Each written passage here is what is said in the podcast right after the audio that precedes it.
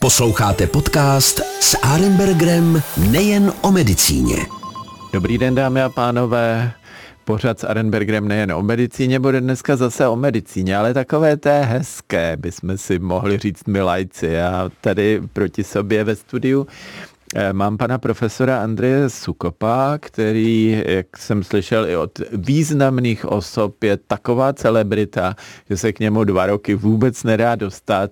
Eh, já se taky snažím, aby se moc lidi ke mně nedostali, ale tady je to asi opravdu reálný a u mě v zásadě taky. Ale já nebudu dlouho povídat, já jsem moc rád, že plastický chirurg na slovo vzatý expert přes nejrůznější oblasti, které tady projedeme, ale samozřejmě přes celou plastickou chirurgii je tady dneska s námi a já myslím, dámy a pánové, že vás naše povídání bude určitě zajímat, protože každý potřebujeme něco opravit a nemusí to být nezbytně nutně jenom výměna šroubů někde v autě, ale i třeba na vlastním těle. Andy, je to na tobě, eh, řekni nám něco o sobě z fakultní nemocnice Královské Vinohrady a třetí lékařské fakulty, to jsem ještě nedoplnil a doplňuju teďka, ale on by to určitě řeky za mě. Tak eh, Dobrý den, jsem, děkuji za pozvání, já jsem přednostou naší největší kliniky plastické chirurgie v České republice, která má historii už od víceméně po první světové válce, kdy jsme vdechli v naší zemi jako první obor vůbec na světě plastickou chirurgii, byl uznán jako samostatný obor díky panu profesoru Burianovi a my pokračujeme v tom jeho odkazu. A já jsem v této chvíli šestým přednostou v pořadí od vzniku české, eh, československé a české plastické chirurgie u nás vůbec. A naše klinika má neuvěřitelné renomé, ale hlavně tím, že je nejvyšším pracovištěm, tak my musíme dělat úplně všechno. Od vrozených vád přes nejsložitější rekonstrukce až po estetické výkony. Mm-hmm. Ty vrozený vady, to mě zajímá, možná tím můžeme i začít. Já vím, že jste po té, co se postavila vlastně nová v uvozovkách budova, ale oni to byly, myslím, 70. léta, že jo, eh, vaší kliniky, ale stále je to jedna z nejnovějších budov našeho areálu, protože František Josef udělal dobrý základ a ten ještě stále drží eh, v naší nemocnici v roce 1902. Od té doby už hlavně rekonstruujeme, ale tohle byla taková krásná investice. A já vím, že ta vaše klinika je obrovská a měla i obrovský přesah, že jo, vy, když máte třeba, nevím, roštěprtu, tak jenom nezašijete prostě tu díru, která vypadá esteticky špatně, ale i třeba upravujete zuby a děláte všechny tyhle ty výkony. Jak vlastně se řeší ty vrozené vady? Mají se řešit hned, nebo má se počkat, až to dítě je starší a do jaké fáze, nebo jak to vlastně má být správně z vašeho pohledu? Tak eh, Těch směrů vrozených vad je celá řada. Pokud jsme se dotkli roštěpů, tak eh, tam je taková milná představa, že se dítě narodí s roštěpem a se hned odoperovat, ale to dítě je nemocné, nebo respektive se o něho staráme dalších 18 let a déle.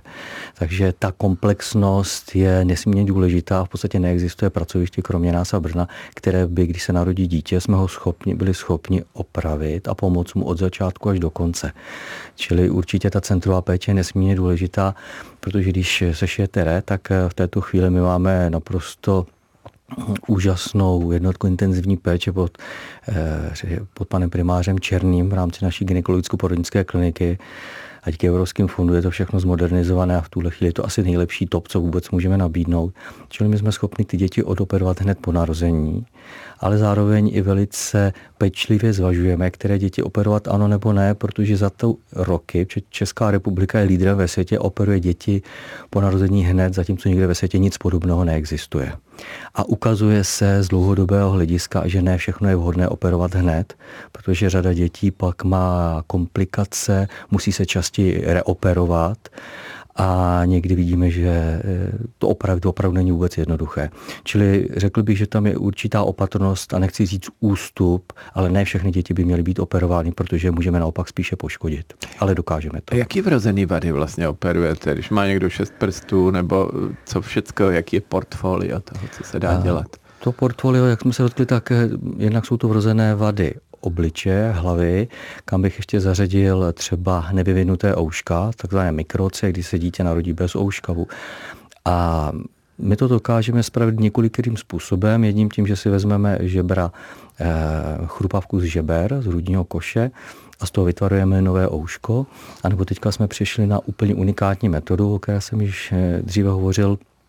My si naskenujeme zdravé ouško na druhé straně, ty data pošleme do Spojených států Oni nám na 3D tiskárně vytisknou z biokompatibilních materiálů speciální ouško, které je třeba o něco větší než to předchozí, protože se počítá, že dítě poroste a ono si do toho doroste a uděláme to.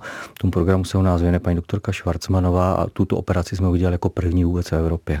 Mm-hmm, no to je úžasný. Čili ta klasika, prostě když Bůh jako stvořil ženu ze žebra Adama, to s tím jste začali vlastně s tím volcem a teď teda jedete teda na 3D tiskárny. Myslím si, že ta Bible je inspirující po všech samozřejmě stranách i v tomto. A tak to, byly, to bylo třeba ouško a potom máme velké portfolio dětí s vrozenými vadami rukou a nohou ať jsou to děti, které se narodí, že nemají prsty, nebo jich mají naopak moc, nebo mají příliš velké prsty, nebo je mají srostlé. A my jsme schopni samozřejmě v určitém omezeném množství, omezeném množství toto opravit. Něco dokážeme opravit tak, že dítě nemá vůbec patrnou žádnou vadu, něco samozřejmě úplně opravit nejde.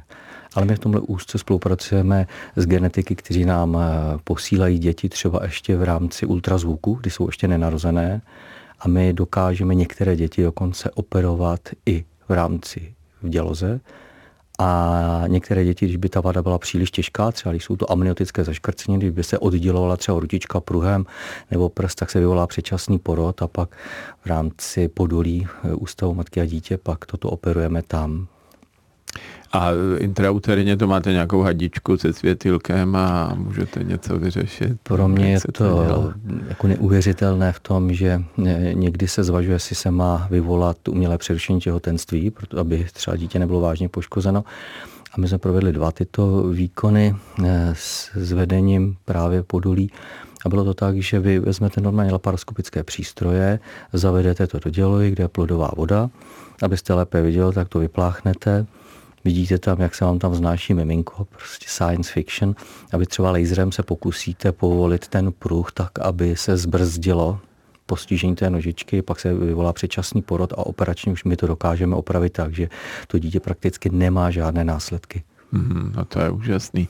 Když jsme takhle u těch různých končetinových defektů, eh, Češi jsou eh, kutilové a řežou všechno možný od eh, prkínek až přes prostě nábytkové stěny a tak. A, a občas eh, do té obloukové pily eh, strčí i něco svého a to tam pak už vlastní není. A dřív se to dělalo tak, že když si prostě někdo uří z prsty, no tak se zastavilo krvácení a trošku se to zašilo, udělala se taková hezká kapsička, aby nekoukali ven holí kosti a tím to končilo. A teď nějak vy jste schopný dokonce něco z toho vrátit a když byste měli spousty času, tak možná i třeba všechno a zase toho člověka zrehabilitovat, aby začal končetinu používat tak, jak má. Je to tak, že jo? Tak eh, je to náš denní chleba v podstatě. Eh, jenom se to trošičku mění. Ještě před revolucí se nejvíce operovalo soboty, neděle, kdy lidi přijeli na chaloupku a začali pracovat. Eh, po, po revoluci potom díky soukromým firmám se... Už pracují i v týdnu, říkáš. Eh, pondělí, úterý nejčastěji, a už to byli profíci. A teďka vlivem zhoršující se ekonomické situace najednou ten nárůst je daleko větší, protože vlivem energií lidi zase vezmou dřevo, polínka a začnou to doma řezat na cirkulárce, aby se ohřáli a neplatili třeba drahou energii. Čili těch poranění začíná narůstat a my jsme jedno v podstatě v Čechách z hlavních replantačních center, čili pokud k nám přivezou pacienta a je to správně useklé, uřízlé, tak my jsme velkou většinu pacientů jsme schopni ošetřit tak, že dokážeme přišít ruku, prst, skalp, penis, všechno. Ty brdě, no tak to je výborný. Čili eh, co má člověk dělat, eh, když teda jako něco řeže na cirkulaci a najednou kouká, že teda to nebylo prkínko, tak eh, asi má najít teda ten, tu část toho těla, která tam je, předtím asi nějak zastavit krvácení, aby to přežil sám a pak teda zavolat si vrtulník a, nechat se dovést k vám nebo někam jinam a oni pošlou a co udělat s tou končetinou. To si myslím, že úplně nejideálnější je v naše země, naprosto, když to vezmu, jak jezdím do zahraničí, hustotou pracovišť a dostupnost lékařské péče je v podstatě, já jsem nic podobného nikde na světě nezažil. To, co máme tady, je v podstatě nevýdané. Takže v tu chvíli stačí kontaktovat někoho, kdo zavolá rychlou záchrannou službu, která na základě tíhy úrazu zvolí vhodný transport. Z 99% stačí obyčejná sanitka, která pacienta, pokud třeba není poblíž replantačního centra v Brně, v Praze, ho odveze na nejbližší chirurgické pracoviště, eventuálně, že to je jeden prst, tak samozřejmě vzít prst a odvést toho pacienta na to místo. Protože ne všechny poranění jsou indikovány k operaci. Někdy to může být tak postiženo, že to není vhodné, je zbytečné, aby pacient byl eh, transportován sem a tam a tyto pracoviště nás pak konzultují telefonicky, posíláme si fotky, zvažujeme, jestli ano nebo ne, co se má udělat, aby k nám pacienta přivezli a my jsme ho byli schopni dát dohromady. Mm-hmm. A jak dlouho to máte? To je na 10 minut, na 15? Nebo eh, děláte sami spojování kostí, drátujete, letujete? Tak hezky nahozená vodička samozřejmě, že ne, je to, je to na, dlouhou, na dlouhou tráť, jeden prst trvá dvě, tři hodiny, pokud se třeba přišívá celá ruka a může to jít, můžete být hotov za 4-5 hodin, ale můžete operovat i 12-15 hodin, čili je to mnoha hodinové operace, je ten tým pod velkým zvětšením, pod mikroskopem prakticky operuje na nějakých 2 cm čtverečních, kde se šívá cévy velikosti 1, 2, 3 mm jednotlivými stehy tak, aby obnovil prokrvení, tak, aby se šily jednotlivé nervy, aby ta ruka byla citlivá, funkční a tak, aby se šily všechny svaly, nervy, kůži, tak, aby to prostě dobře vypadalo, fungovalo hlavně.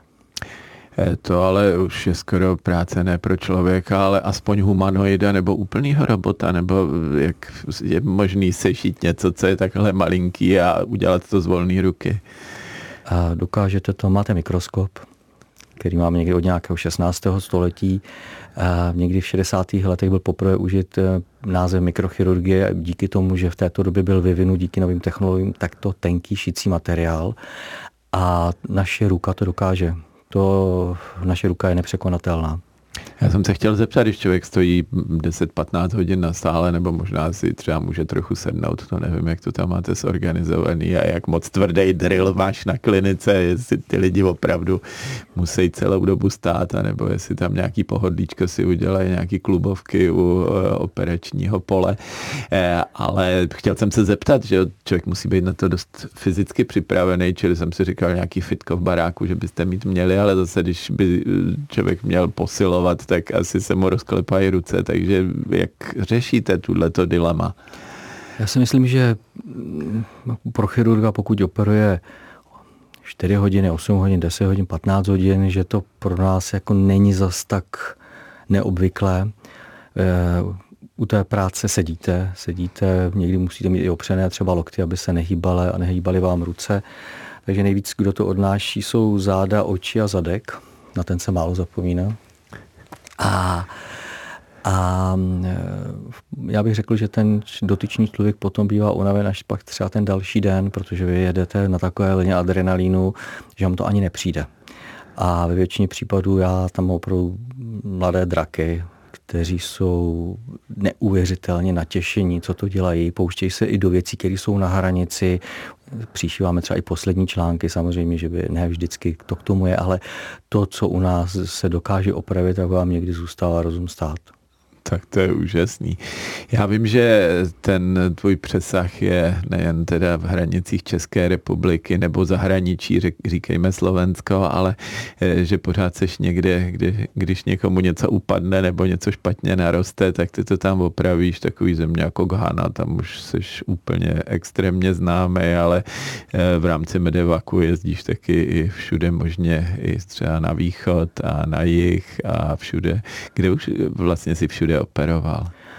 To jsou dva takové přesahy. Tím, že jsem prezidentem naší eh, odborné společnosti plastické chirurgie, tak jednak reprezentuji a držím naší eh, republiku vůči celému světu, vůči Evropě, tak abychom se podíleli na všech eh, akreditacích a metodických pokynech tak.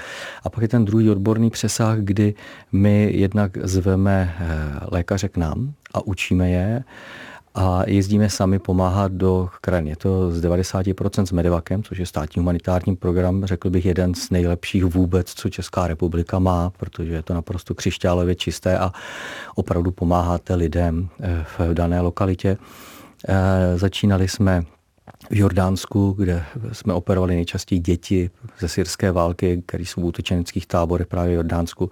A je to nepředstavitelné, to je tábor, který má 200 tisíc lidí. Ty lidi nejenom, že neuvidí lékař, oni neuvidí tu nemocnici. Čili vy jste pro ně opravdu požehnáním. V této chvíli už neoperujeme třeba válečná poranění, ale operujeme vrozené vady, protože oni už nemají žádnou péči, oni prostě na to nemají. A součástí toho našeho operování není jenom to, že my to uděláme. To není vtip celého programu. Vtip je v tom, že když jsme v Ganě, tak nejdřív se vezmeme lékaře, ukážeme, jak to děláme, pak jedeme tam, oni nám připraví pacienty a my pak operujeme s nimi tak, aby oni byli schopni rozvinout svou plastickou chirurgii a do budoucna jsme tam nemuseli jezdit a oni měli skvělý systém. A tohle ten rok jsme si teda sáhli opravdu na dno, protože normálně odoperujeme třeba za těch 6 dní 17, 20 pacientů, mají třeba dvě ruce, dvě nohy, takže 30, 35 operací. A před třemi týdny jsem byl v Ganě se svým týmem a tam stálo 100 rodin. Z těch 100 rodin jsme teda udělali 52 pacientů. Čili jsme za 6 dní odoperali 80 operací. Takže jsem simultánně operoval na dvou sálech. Chvíli jsem sem tam od rána do večera v podmínkách, které by byly v Evropě nemyslitelné. Netekla voda, často vypínali proud, takže končili jsme operace tím, že nám svítili tři, čtyři mobily do operační rány, aby jsme to byli schopni dokončit. Ale to, co je tam nádherné, čím lidi méně toho mají, tím jsou skromnější, přátelštější a berou to s nadhledem. Čili oni se u toho usmějou, zažertujou. Pro nás mi přijde, že bychom se tak jako kousli, že zase něco nefunguje a byli bychom nespokojení. A pro vás je to obrovský impuls toho lidství a laskavosti, který vlastně my se učíme od nich a přenáším to sem. Čili já jsem se chtěl zeptat, jak vypadá Ghana, ale to asi ty nevíš, že jo, víš, jak eh, jim nesvítí světlo na operačním sále a to je možná všechno, a nebo jestli nějaký taxík ještě z letiště a tím to končí. To, to asi ne, vy máte zase výhodu v tom, že máte nesmírně úzké vazby ať už na lékaře, na sestry a samozřejmě to gro my pracujeme od rána do večera, ale pak máte sobotu, neděli v rámci té mise, kdy máme možnost být právě i s nimi a vy zase vidíte tu zemi úplně z jiné strany. Ono to není, že to je úplně jenom rozová země nebo uh, mají a rostou neuvěřitelným způsobem. Já třeba osobně musím říct, že na podzim jsem byl ve Rwandě a já bych si přál, abychom měli zřízení, jako je ve Rwandě. Já jsem z toho úplně nadšený. Když jsme se bavili s ministrem eh, zdravotnictví, náměstky projeli jsme nemocnice. Rwanda má dva plastické chirurgy. Česko má 150 plastických chirurgů. Máme 10 milionů obyvatel, oni mají 13 milionů obyvatel. A oni si neuvěřitelně cení know-how. A oni mají jednu velikou výhodu proti všem demokratickým našim zemím. Oni plánují dlouhodobě. Oni ví, co chtějí za rok, za pět let, za deset let, za třicet let a jdou podle toho. Zatímco bohužel naším zřízením my nevíme, co bude za rok. A oni nestrácejí čas, mm-hmm. nestrácejí potenciál. A když vezmu třeba jejich systém, jsme se o tom bavili, kolik mají pojišťoven a tak, já říkám, to mám asi 15, kolik máte, mi říká jednu. A zeptal se mě, a vy s nějakou pojišťovnou léčíte jako lepší nebo jinak? Říkám ne. A on říká, proč to děláte? V Evropě ztrácíte obrovské množství peněz, proč nemáte jenom jednu? No tak bychom je zredukovali na čtvrtinu, to zase není tak jako moc, že jo, ale je to pravda, no, asi to bylo plánované, že budou si konkurovat, ale eh, to se nakonec nastavilo tak, že není, takže jenom člověk si může vybrat. Mně se hrozně líbí eh, tadyhle ta zahraniční pomoc, já vím, že jeden z tvých předchůdců, profesor Fára, eh, jezdil pravidelně na Maltu, operovalo se tam. Je to tím, že Malťani jsou extrémně postižený, anebo se jim tam líbilo hodně moře a Jaký byl hlavní důvod? Pan profesor Fáre tam jezdil hodně s paní eh, docentkou Hrivnákou a operovali se se opravdu na roštěpové děti, které jim tam kumulovali. A je to vždycky jenom, čili jak to tam bylo po tak dlouhé době, nejsem schopen říct. Spíš si myslím, že tam třeba nebyla tato specializace, aby to odoperovali, takže se to nakumulovalo a odoperovali je ale my třeba v Vervandě, respektive v Gáně, jsme měli to spektrum naprosto, ale naprosto široké. Od nádoru prsu eh, přes nejrůznější popáleniny, vrozené vady ruky a bylo to veliké. A ve Rwandě teďka naopak zase budeme operovat hodně roštěpy a slíbil jsem příští rok, že jim rozjedu celý rekonstrukční program eh, onkoplastické chirurgie prsu. Že jim to všechno naplánuju, ukážu, naučím a oni to pak budou dělat sami. Když jsi zmínil prsa, když za tebou přijde Angelina Jolie a řekne, já chci uříznout prsa a ty řekneš, ukažte, ukažte, jsou hezký, ale já si je uříznu. Eh, má to nějaký důvod, nebo jak to řešíte? Je tenhle programy u nás v České republice? Pokud za mnou přijde Angelina Jolie, že bych chtěla uříznout prsa, tak je to takovou věc, kterou dělat nemusím, protože už to přede mnou někdo udělal, kdybych byl takhle. Ona je neuvěřitelná v tom, že díky svému renomé spopularizovala tuto operaci. Když to hodně zjednoduším, my jsme schopni zjistit, že určitá sekvence genů způsobuje zvýšený výskyt rakovinu prsu. Těch sekvencí je X, ale zjistilo se, že prakticky se teď používá jenom dvě, brca 1, brca 2. A jde o to, že pokud máte riziko 40 až 90% že budete mít karcinom prsu, tak eh, z toho asi nejlépe vychází, když se domluvíte s tím onkologem, radiologem, který vás indikují, genetikem, indikují k operaci, že se dá preventivně odstranit prsní žláza a třeba primární nahradit implantáty, takže kolikrát od nás odchází pacientka hezčími prsy, než je měla.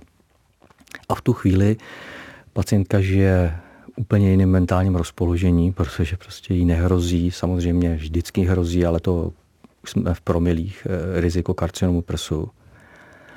A vy vlastně šetříte i ten systém celý. Protože tato operace vás třeba přijde na 70 tisíc, když letíte někoho s karcinomem prsu, tak čtvrt milionu a pokud máte nějakou speciální terapii hormonální neodvěvantní, tak jste třeba na milionu. Takže myslím, že ten přínos je pro pacienty, pro celý ten systém veliký. Eh, ty operace prsů se dneska uh, ukazují, nebo uh, reklamy vidíme všude možně. Někdo to umí za 70 tisíc, někdo za 69 900. Uh, a je to taková, taková spotřební záležitost, by člověk až řekl, ale ono to možná tak úplná sranda není. Jak vy vlastně řešíte tyhle ty preventivní operace? Tam se nechává komplet celá kůže, nebo samozřejmě areola, že jo, bradavka, to by nějakým způsobem mělo být zachováno nezůstane tam nějaká ta tkáň, z který by eventuálně mohla ta rakovina také vzniknout, to je jeden z mých dotazů. A pak jak to vlastně rekonstruujete zpátky, ten eh, implantát se dává jako do toho prázdného kožního prostoru, nebo se to dává pod sval, nebo jak probíhá ta operace z technického rázu? No to je trošku složitější, protože záleží na tom, jak má pacientka velké prsa, kolik je jí roků eh, a jakou má, jakou má představu. Eh, obecně se dá říct, že vy nedokážete odstranit žlázu na 100%. Vy dokážete extrémně zredukovat a nicméně drobonké, drobonké kousky žlázy vám můžou vrůstat až do kůže, takže eh, to riziko se nedá zcela odstranit, to určitě. A ta tendence v současné době je větší a větší radikalita. Vy můžete udělat u mladých pacientek eh, kůži šetřící mastektomii formu takovou, že zanecháte dvorec, ale pod tím dvorcem máte malé množství žlázy. Je to dobře kontrolovatelné, to riziko je výrazně menší, protože gro karcinomu vám vzniká v horním zemním kvadrantu, čili k podpaží směrem, ale pořád to riziko je.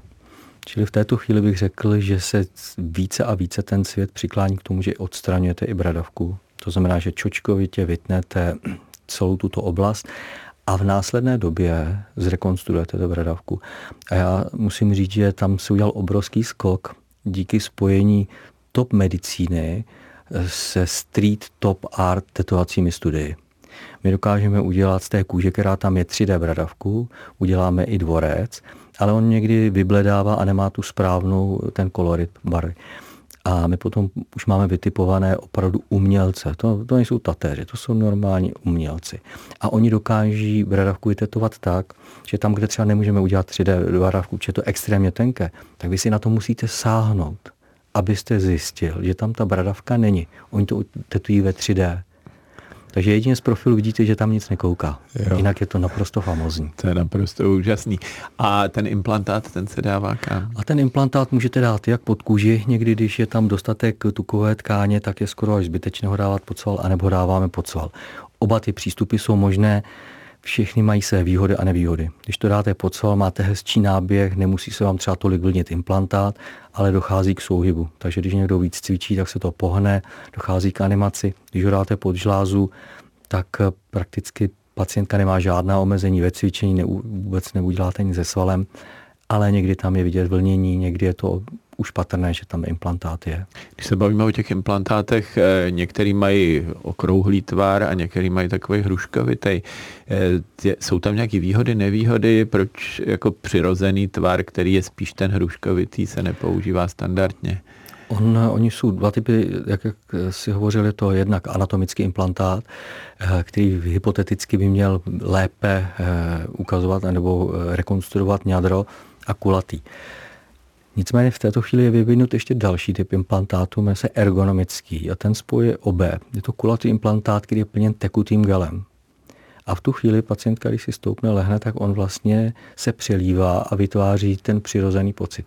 Čili zase zvolení daného implantátu záleží podsval, nadsval, jak je silná pacientka, jaké má zkušenost e, dotyčný lékař. Čili používáme jak kulaté, ergonomické, tak anatomické a je to jenom podle zkušeností a vhodnosti výběru pacienta.